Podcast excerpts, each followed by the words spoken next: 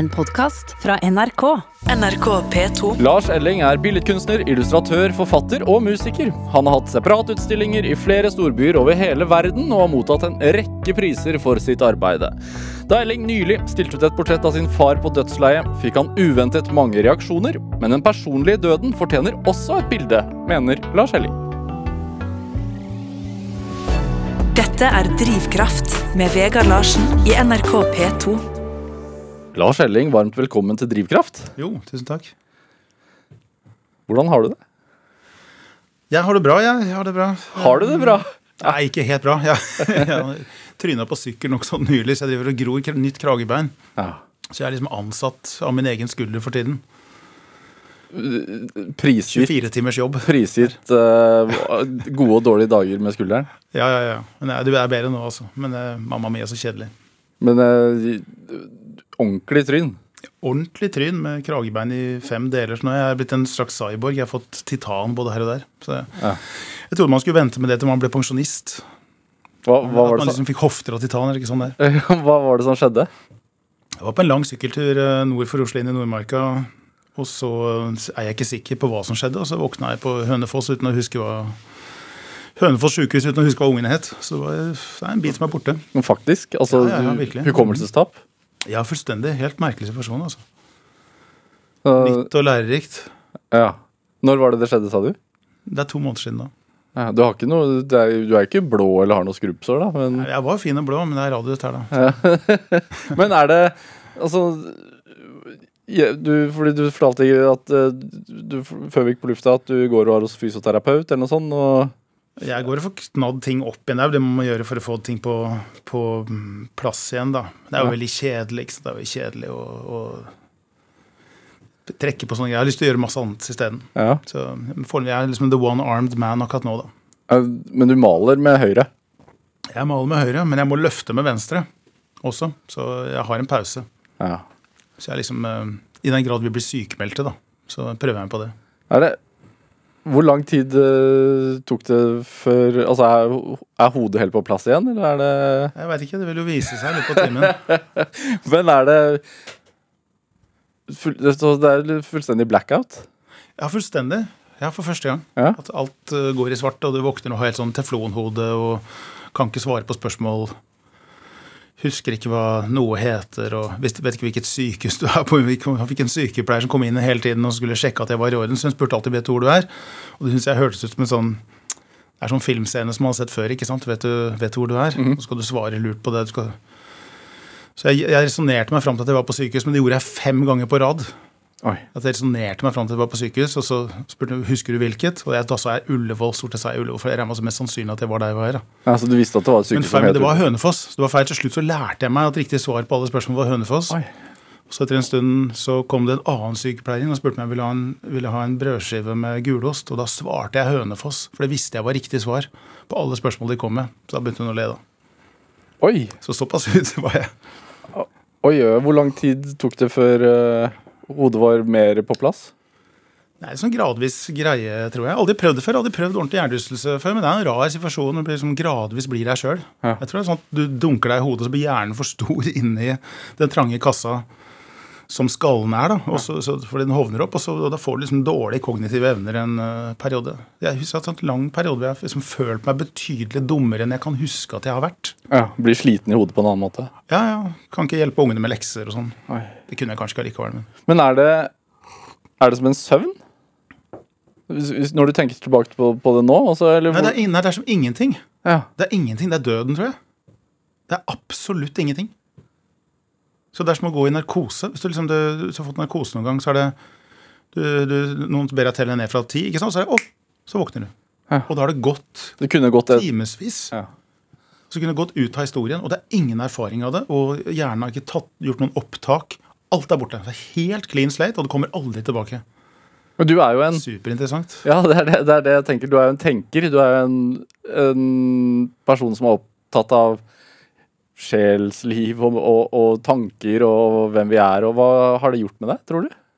Ja, jeg har, jeg har jo levd et langt liv. og Jeg har, bodd store deler av tiden inni mitt eget hode. ikke sant? I, eh, Jeg har aldri hatt noen komfortsone hvor jeg har måttet slappet helt av. Jeg, alltid, jeg kjører alltid sju filmer samtidig. Det er alltid digresjoner som avbryter digresjoner. Og, og øh, det å jobbe med maleri er jo en måte å stoppe det på. Altså gjøre en fysisk ting som er både fysisk og intellektuelt krevende, gjør at det stilner litt i hodet da. Så du må Altså, det er en Det å male Da må du konsentrere deg, så da stopper det opp. Ja, det stopper det litt opp. Det er, vi har forskjellige teknikker for å få til å stoppe opp. øh, høre på litt vanskelige lydbøker samtidig for å distrahere meg akkurat nok til å komme gjennom de kjedelige partiene og så få slått i hjel mye av den skepsisen som sitter der. Og, men jeg har nok alltid vært sånn at jeg jeg tror det er litt sånn som å ha en border collie, som er egentlig en sånn sauegjeterhund. Hvis den løper, øh, hvis den løper liksom øh, tre til fem mil hver dag og sanker sauer, så er den verdens beste familiehund.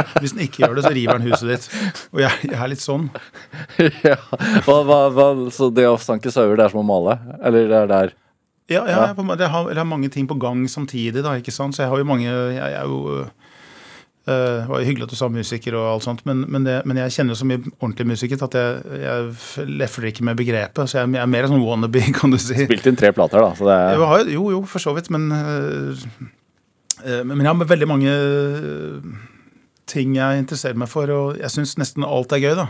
ja. Jeg syns alt er gøy, og at det er kjedelig å måtte sove, og vil helst liksom ha Jeg vil helst ha flere ting, og ikke færre ting i, i livet. Men en sånn opp, eh, hendelse da, som gjør at du er nødt til å sette på Ja, ja, stoppknappen? ja, nettopp. ikke sant? Helt veldig kontrært til min personlighet. Veldig, veldig kjedelig. Ja.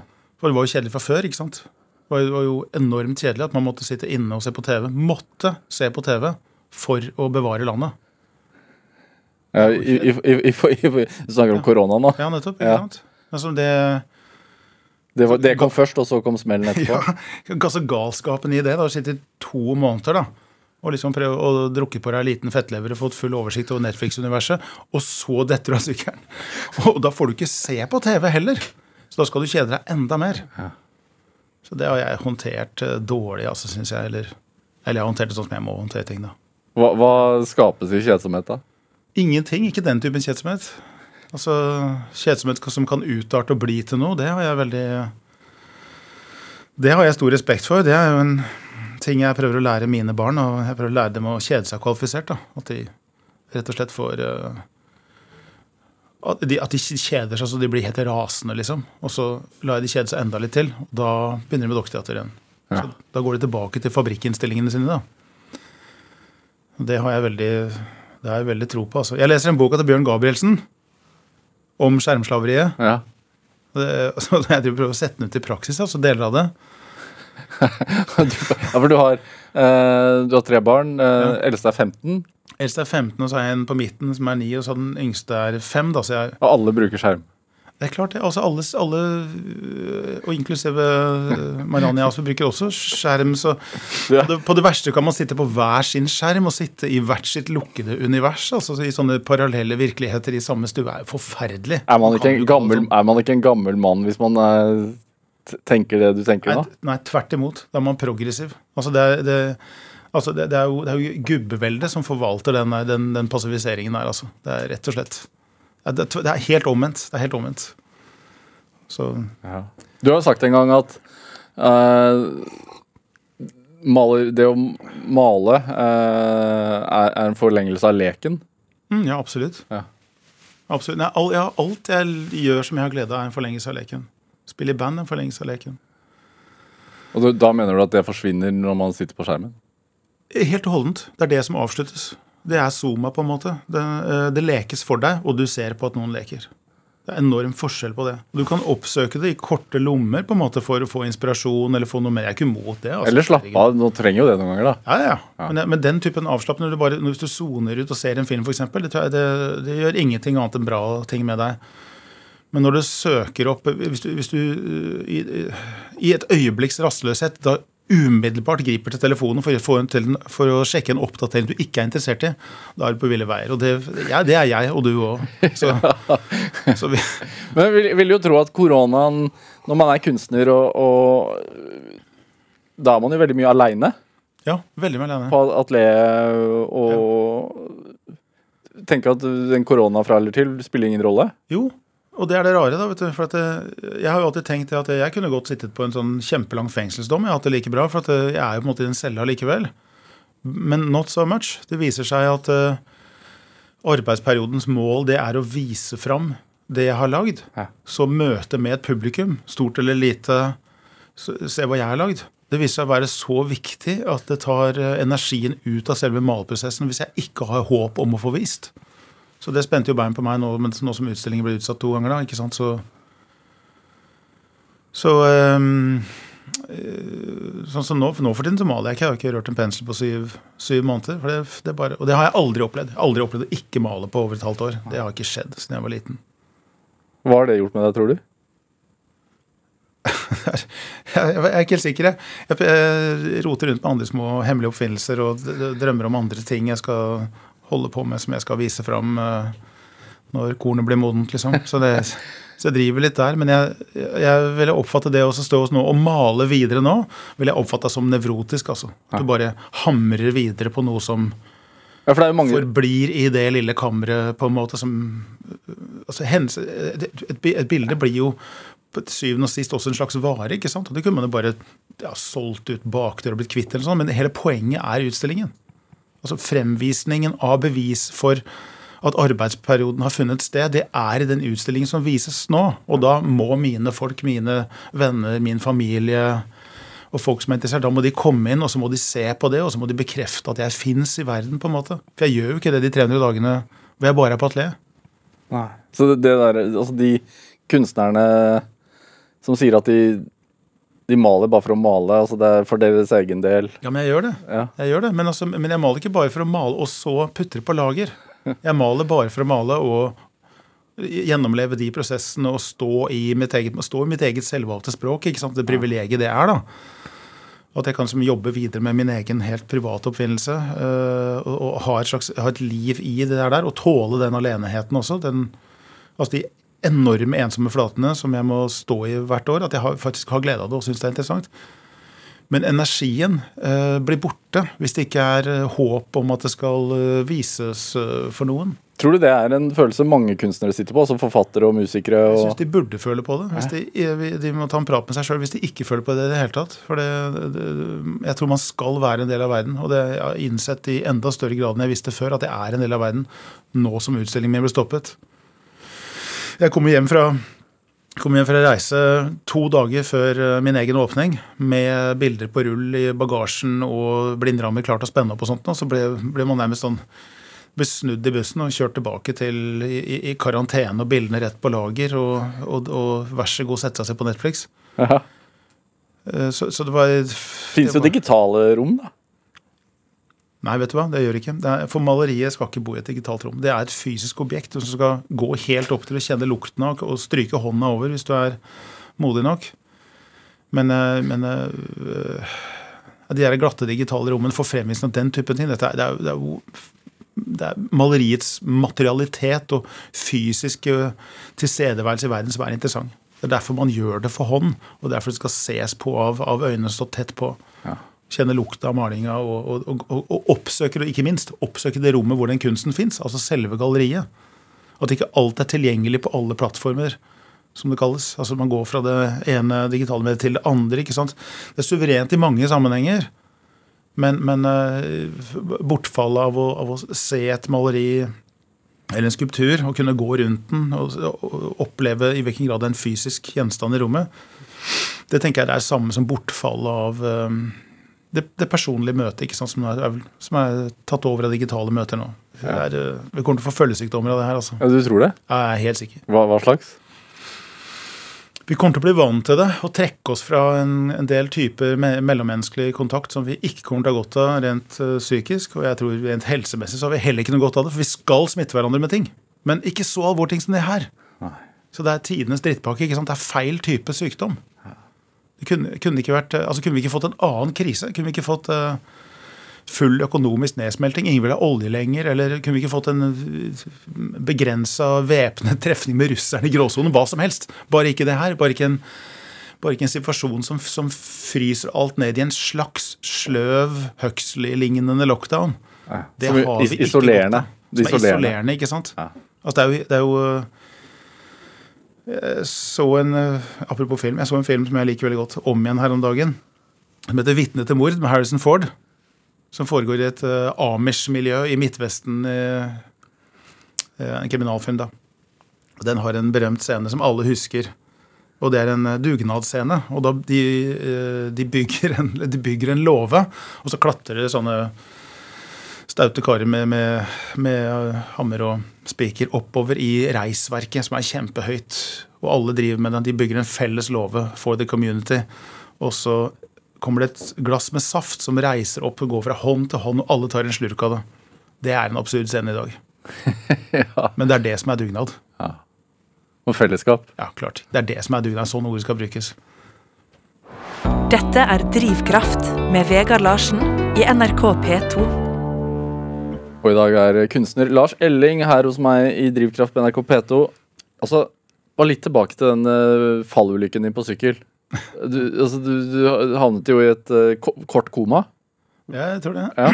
Uh, og du sier at du husker ingenting, og at det var som døden. Hva, jeg tror det. Jeg tror hva, døden er sånn. Har det fått deg til å se på døden annerledes? Ja, i hvert fall ikke uh, I hvert fall ikke positivt. Nei, jeg har ikke fått meg til å se på døden som en midlertidig ting. i hvert fall. Jeg tenker på at de, de timene som der er borte, de er jo permanent borte. ikke sant? Så når et menneske går ut av tiden, så er du, så er du helt borte. Du er, ikke, du, er ikke, du, er ikke, ute på, du er ikke ute en tur, men du er helt og fullstendig borte. Det er, er ikke det befriende, da? jo, kanskje. Ja. Kanskje på en, på en måte. Altså absolutthet i den Det er ikke noe vondt, i hvert fall. Nei, det tror jeg ikke. Nei. Det tror jeg ikke det er. Det er bare rett og slett av. Altså, det er full narkose forever. Det var det. Ja. Rett og slett. Um, du har også akkurat nettopp pakka ned utstillingen din Blindkontur, uh, som sto på Galleri Brandstrup i Oslo.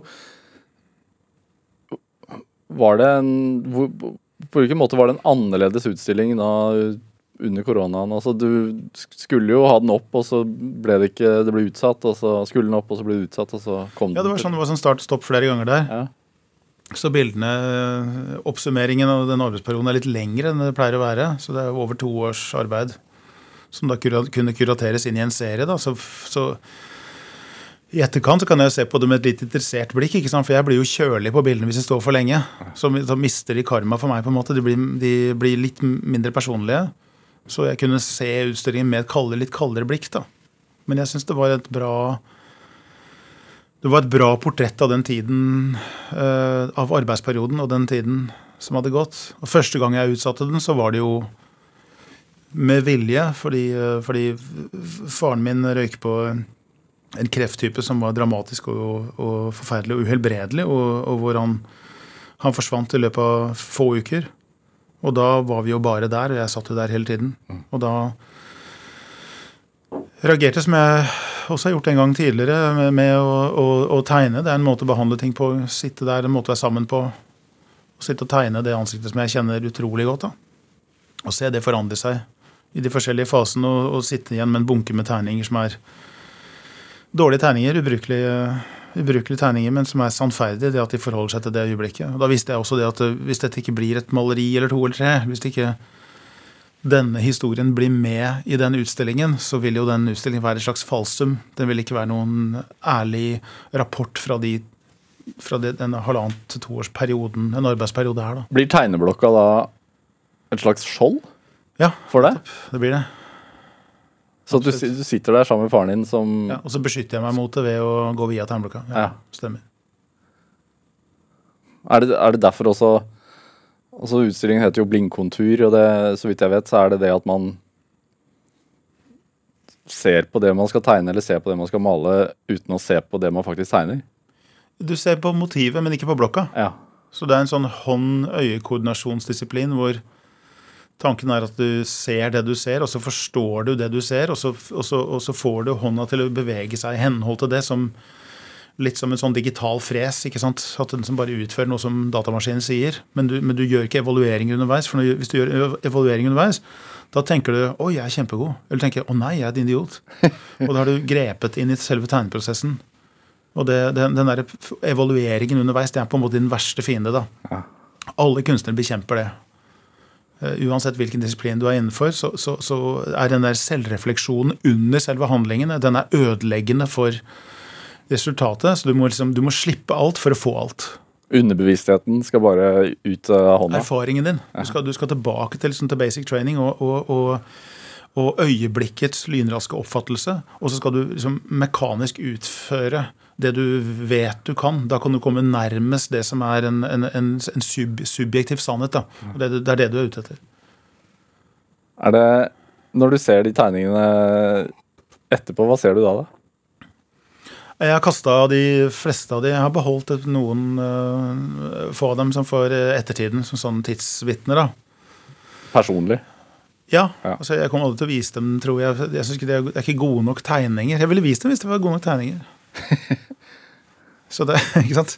det er ikke faren min, det er en tegning. Ja. Man må vite forskjellen. Men er det Hva får deg til å ta opp blokka i hele tatt? Og tenke at uh, Altså at du trenger det skjoldet? Jeg har alltid behandla ting gjennom det. Eh, Jeg har eh, På mitt beste så På mitt beste så våkner jeg med et bilde på tunga, liksom. Det, det kan starte dagen sånn, for jeg våkner i mitt eget tempo, så starter jeg med Har jeg ideen til en melodi, eller har jeg husker en, jeg har en setning jeg kan skrive ned på telefonen i full fart, eller, jeg, eller jeg, jeg tenker på en kombinasjon av to farger, eller jeg har en konkret idé til et bilde. På, altså på mitt beste så lever jeg i den der rare flyten mellom, mellom øh, halvvåken drøm og, og, og våken tilstand. da. Så det, det, det er utfordringen egentlig med å ha familie, faktisk. Altså at det, det å ha unger, at de griper inn i det. Så de, de, øh, de, de kaster en stein i ruta når jeg driver liksom og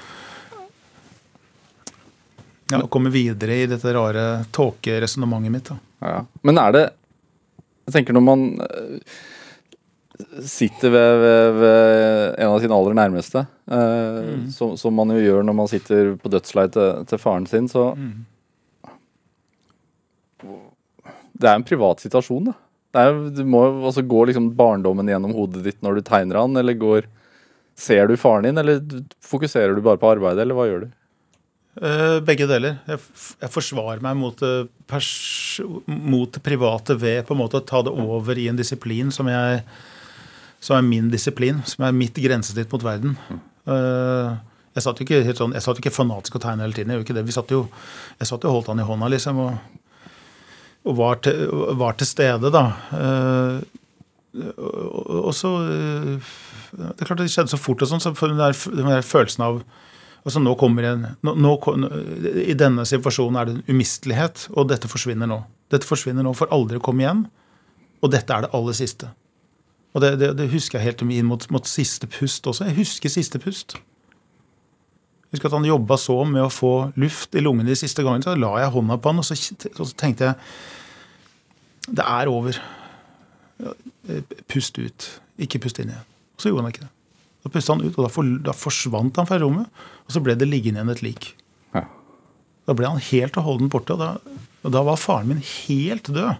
Og før det så var han døende. Men da han ble helt død, så var han ugjenkallelig død. Og det var ikke han som lå i rommet. Det har jeg Jeg har jo sett folk dø før, altså på sykehjem og sånn, men Men det har ikke vært mine folk. Og jeg har liksom Jeg har ikke Jeg har um, hatt avstand til det, og denne gangen så tillot jeg meg å Eller jeg tillot meg å være helt, helt i det, på en måte. Altså kun, kun med tegneblokka tidvis som skjold da, og beskyttelse. Så øh, øh, Bemerkelsesverdig, altså. Så det, På, på hvilken måte da? Altså, hva lærer man om seg, om, om seg selv, eller om, om, om seg selv som menneske, når, sånt, når man ser det sånn? Du får jo sånn møte med en slags sånn 90-graders realisme som vi ikke ble prøvet på ellers. Jeg har jo tenkt at det er vanligere å bli født jeg, enn å dø. Det er jo veldig vanlig å bli født, og hyggelig òg. Ja.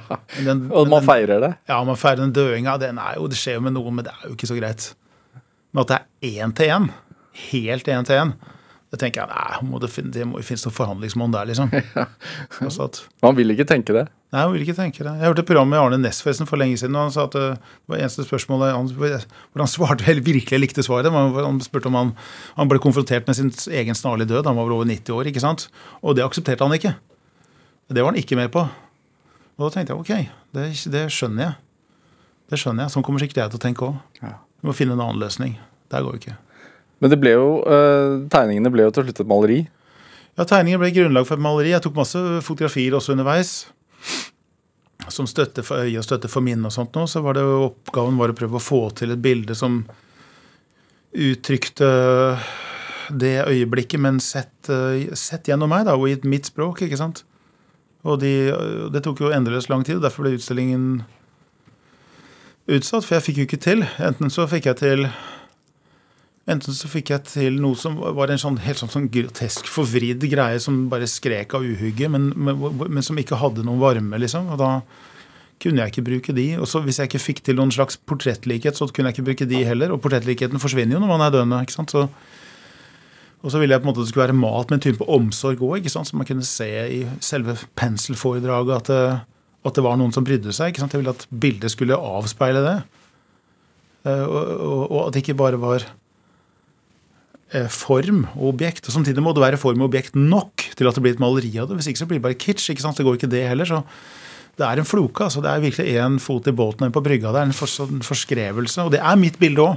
Det er, det er eh, Jeg skulle ønske det var bedre. Altså, det er skulle man ikke alltid som kunstner? Jo, jo, jo. jo, alltid, jo det er klart. Eh, Message er Mitt bildes svakhet er vel det at jeg, jeg, jeg, har vært veldig opptatt av den gjenkjenneligheten. At jeg fortsatt skal kunne se at det er ham. Jeg kunne tatt det enda lenger.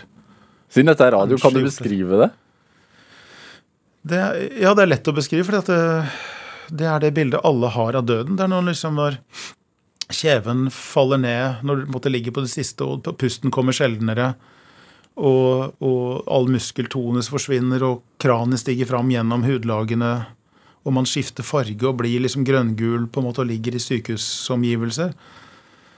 Og siden jeg, det bildet ble publisert og det ble så mye omtalt, da, så har jo folk har jo, har jo, de har funnet det for godt å sende meg endeløse bilderekker av sine døende foreldre, og gjerne på mail. Så jeg åpner en mail, så er det 25 bilder av en døende mann i Serbia fra et vilt fremmed menneske. Hva går gjennom hodet ditt da?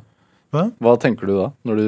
Jeg tenker det er, det er tøft gjort av dem. altså Det, det hadde ikke jeg turt. Men, men jeg, jeg, jeg, jeg syns det er sympatisk på, på et vis. altså det, det... Men er det også et tegn på at sånn som du var innom, at det er faktisk er én til én, men at man ikke prater om det?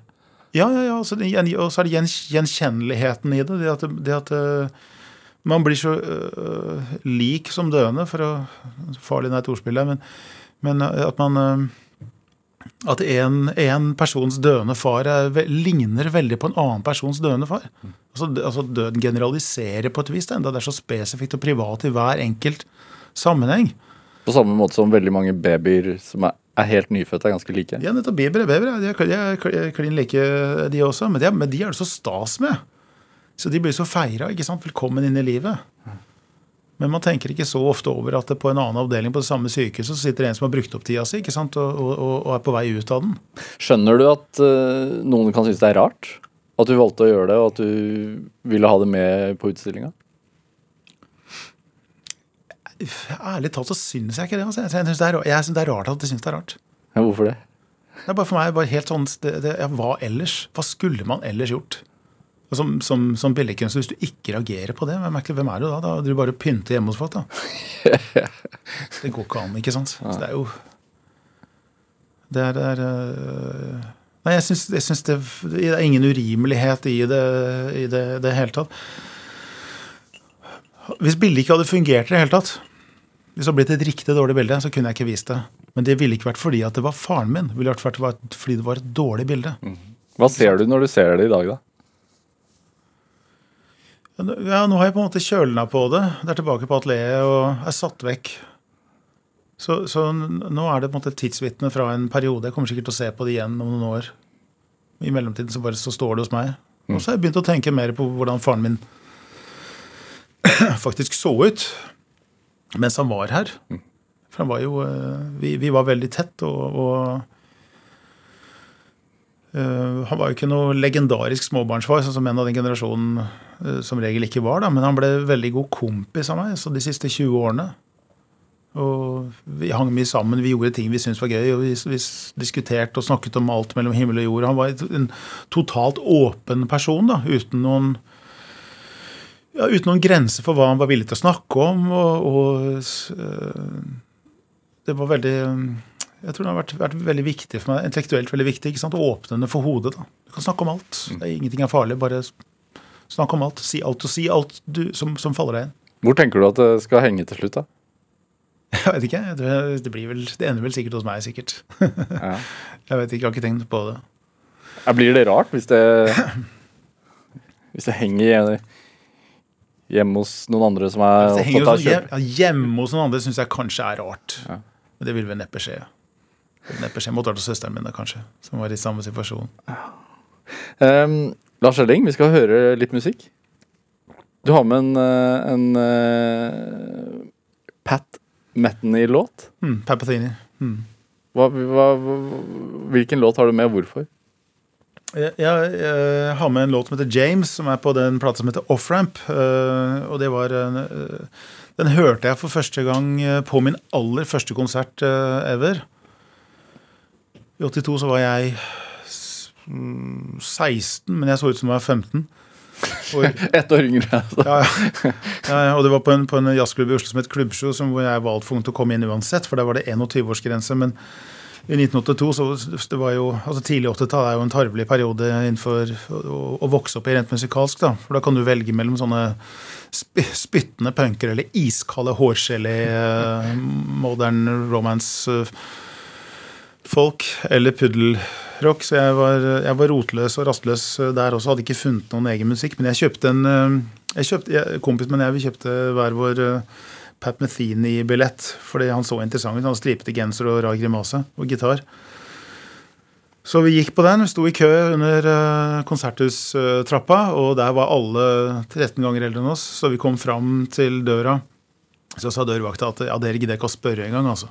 Og da trakk jeg frem fra lomma en lapp fra min far. altså Der sto det at eh, Lars og Svein har lov til å gå på Pat Metheny-konsert, men ikke drikke øl. Og så var det telefonnummeret hans under. Så da lo de av det, og så leste jeg den lappen høyt for hele køen. Så lo hele køen av oss, og så slapp vi inn og var røde i toppen. og så satt vi på tredje rad der og ble påspandert hele kvelden, da, selvfølgelig. Hva tenker du når du hører den? da? Låta? Ja. Nei, litt sånn tidsreise tilbake til, eh, til akkurat der, og til møte med en type musikk som jeg overhodet ikke kjente, og møte med min egen musikalitet da, for første gang. Ja, du er jo musiker også, laget tre, tre album, men det er en lang, lang, lang sang, så vi, vi spiller ikke hele. Vi Nei får, får får smakebit. signaturen.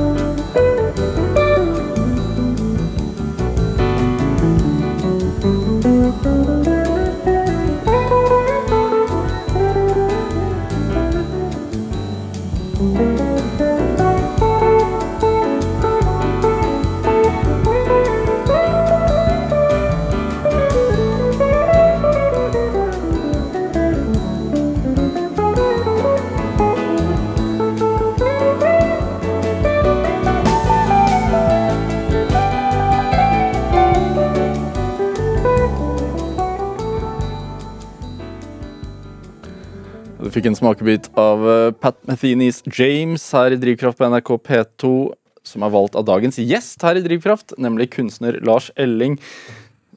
Sang som tok han tilbake til de tøffe tenårene. 1982. Ja.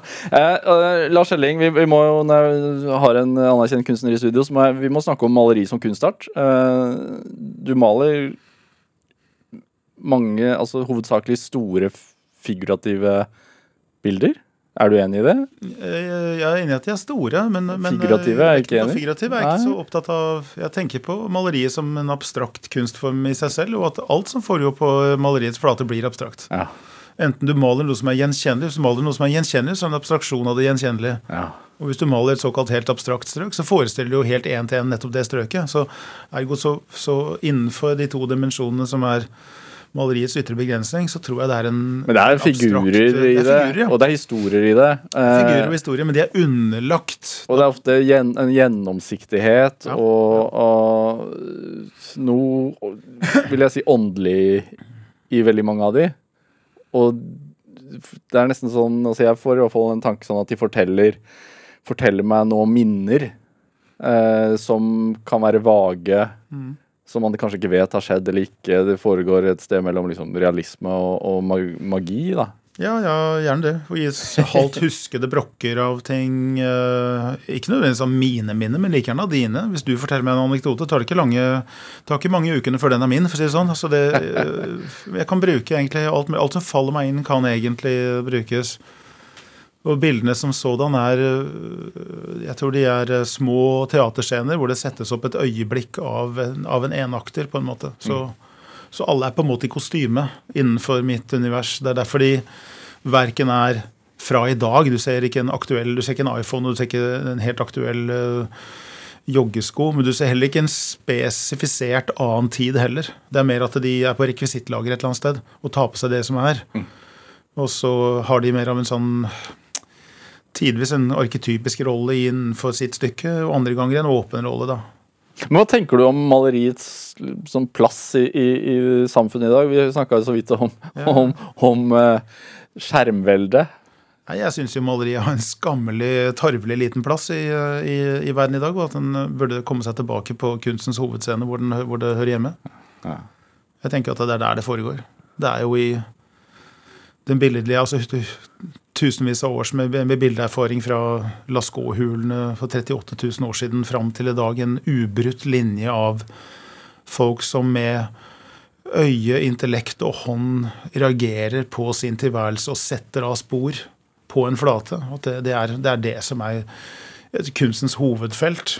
Og så har man bare klart å tenke seg ut av det og mase seg ut av det for, eh, for 30-40-50 år siden. Men er det ikke noe med liksom, eh, den store mengden som produseres? Altså, jeg tenker jo, Vi snakket jo så vidt om, om film som har gjort inntrykk på deg. Altså, Det kommer jo så mye filmer, det kommer så mye eh, musikk, det kommer så mye malerier. Ja, men det er harmløst, det. Det regulerer seg sjøl. Folk reagerer og, og, og lager ting, og det aller meste blir glemt. Og det fortjener også å bli glemt. Og noen få helt strålende ting blir stående. Jeg har jo, jeg har jo fire udødelige favoritter, og de er jo som fra 1600-tallet til i dag. Ja. Så det, det er jo, det er jo eh, Mesteparten av mitt materiale kommer liksom fra Velasquez på 1600-tallet, fra Edvard Munch, tidlig Munch, eh, fra Francis Bacon i London og til Gerhard Richter i, i Berlin. Det skal Så- mye til for å bli, bli en av de. Ja, Det er i hvert fall helt sikkert at jeg ikke blir, men, men, men, eh, jeg, jeg ser hvor bra de er. Ja. Jeg ser, jeg ser helt tydelig hvor bra de er. Det er også noe. Men, men for deg, altså, når skjønte du selv at det var At det var det du måtte? Male og tegne? Jeg har visst det hele livet, men jeg visste ikke at det het noe. Jeg visste ikke at det, og jeg visste i hvert fall ikke at det var en jobb som het det. Eh, Men jeg har vært eh, Hvor vokste du opp hen? Jeg har vokst opp mange forskjellige steder i, i Norge, men også i utlandet. Fordi vi var sånn oljefamilie som flytta hit og dit. Sør-Amerika også. Um, men jeg var, det, var, øh, jeg var velsignet med litt svak helse da jeg var liten, så jeg var mer inne enn det som var vanlig. Hva var gærent? Et eller annet lungeaktig. Må ikke få korona. Um, så, så jeg så verden der ute litt mye gjennom stuevinduet og reagerte på tegna hele tiden. og da, Det er jo sånn harmløs aktivitet som alle foreldre oppmuntrer. ikke sant? Og Hvis du får mye oppmuntring, så blir du litt bedre. Og hvis du blir litt bedre, får du enda mer oppmuntring. Og så blir du flinkere enn andre barn, så får du rose andre barns foreldre. Og så er det en sånn positiv spiral, da, kan du si. Du får, én sånn superheltegenskap litt tidlig i livet. Men jeg, jeg kommer ikke fra noen kunstfamilie i det hele tatt. Eh, Det har ikke vært spilt noen plater hjemme hos oss, det har ikke vært lest noe særlig bøker. Ikke som jeg har sett, i hvert fall. Og, Ikke kunstbøker i bokhylla? nei, nei. Fluefiske, kanskje. Men hvilke tegninger, eller hva var det som gjorde inntrykk på deg som gjorde at du skjønte at du ville tegne? da? Eller likte det? Eh, Alle barn- alle barn tegner jo, men, eh, Ja, ja. Tegneserier fra starten, sikkert. Og, og eh, Eventyrbøkene, altså Kittelsen og sånne ting. Jeg så Wernskjold og, og, og disse tidlig. Og var også veldig tidlig på Nasjonalgalleriet. ikke sant? Jeg så- Jeg blei sånn tegne- og malenerd altså veldig tidlig. Husker du første gang du fikk ros? Jeg husker ikke første gangen. Jeg husker sånne, sånne gjennombruddsros her og der. Ja. Men jeg husker også veldig det at, at jeg eh, ikke syns at det egentlig var en tegning hvis den ikke var vist. Altså Hvis jeg ikke viste den fram, så fantes den ikke. Så jeg hadde liksom en bunke med tegninger som ikke var vist til noe. De, de respekterte jeg mindre enn de tegningene som hadde blitt sett av noen. Og det, det, Apropos det vi snakka om i starten, ikke sant? at ting må vises fram. Du må, det er som mitt bevis på at jeg Eksisterer. har noe her å gjøre. ikke sant? Er det At jeg kan vise det fram. At jeg ikke liker den der lockdown eller nedfrysningstingen, da. Ja. Men jeg husker et sånt gjennombrudd, apropos øh, reaksjoner på det dødsportrettet og sånt. Så noe av responsen har gått på det at øh, han som ligger der på dødsleie, kan ikke, han kan ikke sanksjonere. Han kan ikke si at ja, det er greit, bare vis det.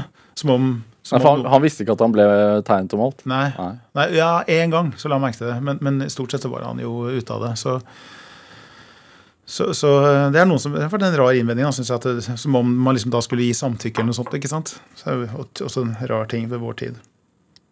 Men, men, øh, men jeg kan bevise at han ville ha likt sitt eget dødsportrett. ok. Det er fordi at det, det er ikke første gangen det skjer. det her, altså de, Tilbake på 80-tallet så Vi vokste opp i en sånn generasjonsbolig med dobbelt sett med besteforeldre. Hvor, hvor befinner vi oss? Da er vi på, på Nordstrandaktig Bekkelaget I Oslo. i Oslo. Um, så min, min bestefar han, han døde litt på avbetaling i årevis fordi han pusta på seg steinlunger i industrien på 30-tallet og ødela helsa si der. Så han, han, han døde litt og litt over en åtteårsperiode, eller kanskje tiårsperiode de siste ti årene jeg da kjente ham, og var, ble enormt redusert med sitt uhyggelig kra, kraniaktige utseende og, og voldsomme bitterhet over livet som hadde ødelagt ham. da. Og 10 av lungekapasiteten igjen. ikke sant? Sånn hvert pust var, hvert pust var liksom en utsettelse av det uunngåelige. Så, så øh, Men en gang så var jeg faktisk nede med en tegneblokk der. Hadde han vel hadde sovna så vidt, så derfor turte jeg å sitte der. Og da gjorde jeg en sånn blindkonturtegning. Jeg bare lot hånda gå. ikke sant? Og fram til da så hadde jeg øh, ja, malt akvareller av båter i sjøen eller uh, glade barn i vannkanten og sånne ting. Fått masse ros da, og, og hvis det var billig nok, så ble det solgt også. Så kunne jeg stille ut i kantina på Skjell og selge noen akvareller til 500 kroner stykket. ikke? Jeg har gjort sånne ting. Så, så det var en sånn populær ting å gjøre. Eh, og så satt jeg og gjorde denne røkerterningen der nede, og så kikka jeg på den etter hvert og tenkte jeg, herregud, den var jo jæklig stygg. Så jeg reiv den ut av blokka og så bare kasta jeg den på rommet mitt. Gikk opp trappa. Og så like etterpå så kom far min hjem fra jobb. da. Går han inn på rommet for å se etter meg. Der var ikke jeg, men der ligger tegninga. Så roper han opp du Lars, er det du som har tegna bestefar? Og så tenker jeg å nei, han fant tegninga. Den er så stygg, nå ble han lei seg. Og så kommer han, nei, det er ikke nei, det er ikke noe, det er ikke bestefar.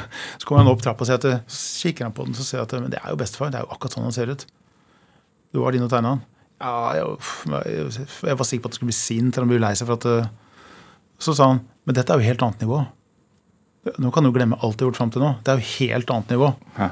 Uh, dette er jo kanskje Dette er jo et kunstverk, det, på en måte. Denne prøver på Høstutstillingen. Nei, nei, nei. Jo, det gjør vi også. Tok Altså, han og rammet den inn og sendte den på Høstutstillingen. Og så mange år senere så fant jeg den igjen liksom, i, en, i en søppelpose utenfor min fars eh, dødsbo. Eh, så nå har jeg tatt den med hjem. da, Jeg har den på veggen, og der står det en stor, fin R da, fra Høstutstillingen bak. Den ble refusert. da. Hva syns du om det? Derfor kan jeg bevise at min far ville likt sitt eget dødsportrett fordi han likte sin fars portrett tegnet av sin sønn. Hva ser du når du ser den tegningen i dag? da?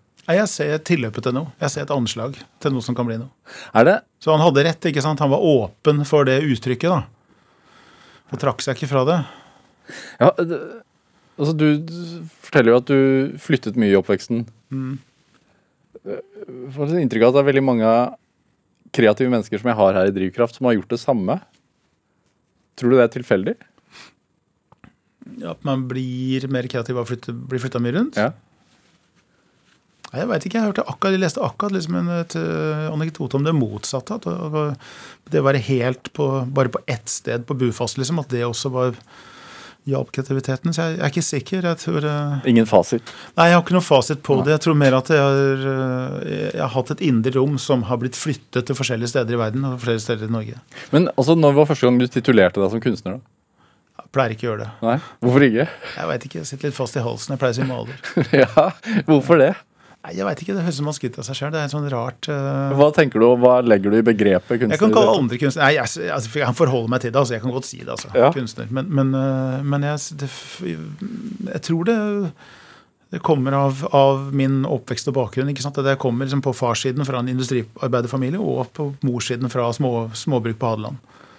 Det, Da skal man ikke kalle seg kunstner? nei. Da sier man ikke kunstner uten liksom å blitt kunstner, liksom. Hva, hva? Ja. Men hva altså, Og da du legger litt i det, altså litt det samme i det, som voksen? Jeg prøver å la det være. Ja, hvis, Eh, men jeg- hvis en, o- jeg- det, det er jo det det Et ung- heter. Det heter kunstner. Jeg innrømmer det at det heter kunstner. Men Men eh, hvis en 20-åring eh, kaller seg kunstner, hva tenker du da? Jeg ser litt hardt på. Så hvis han ikke viker med blikket, så tenker jeg ok, kanskje.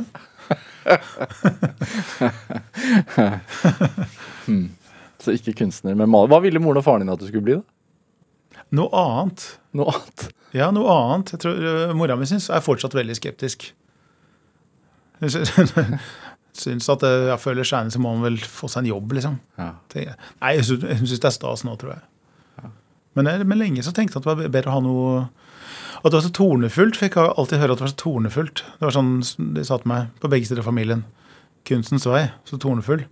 Men det er jo ikke tilfellet. Det er jo fast jobb som er tornefullt. Det hadde jeg jo ikke fått til i det hele tatt. Du har aldri hatt fast jobb. Aldri hatt fast jobb.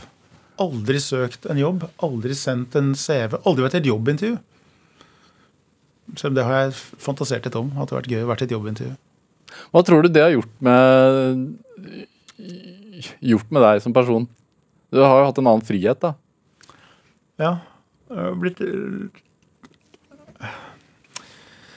Ikke sant, det er sånn Det er et pendelutslag, det der. ikke sant? Altså full, full frihet gir deg jo eh, en viss grad av engstelse ikke sant? og ensomhet. Og full bundethet på den andre siden gir deg jo klaustrofobi og voldsom utferdstrang og et raseri ved å være låst inne. Så det er et eller annet sted der, i det utslaget, befinner man seg. Så jeg har jo behandla mitt kunstnerskap på mange måter sånn som andre behandler en jobb. Ved å begynne tidlig om morgenen f.eks. Ved å ikke jobbe i helga for det meste. da.